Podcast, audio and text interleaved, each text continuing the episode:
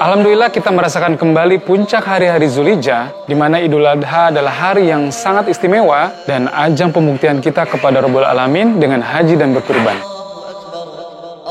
Masya Allah banyak sekali keberkahan yang kita lihat di hari ini di Festival Semarak Kurban dan Takbir.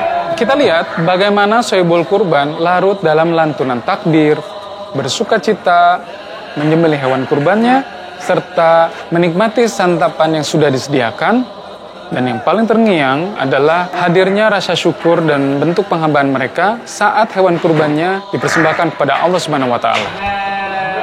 Teman-teman relawan kurban pun sangat semangat sekali dalam mempersiapkan event kali ini. Berminggu-minggu mereka berjuang dan berkurban guyup, terasa sangat kompak, kebersamaan hingga hari H.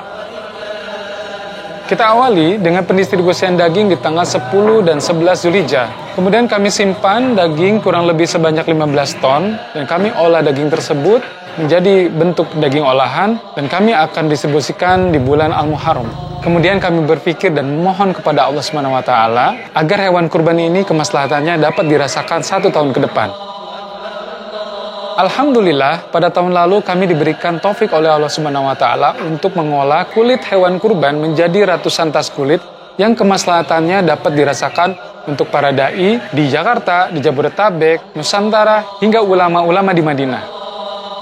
Semoga Allah terima dan ridhoi amal ibadah para sahibul kurban, para relawan, dan kaum muslimin yang berkurban di mana pun berada. Jazakumullah khairan. Assalamualaikum warahmatullahi wabarakatuh.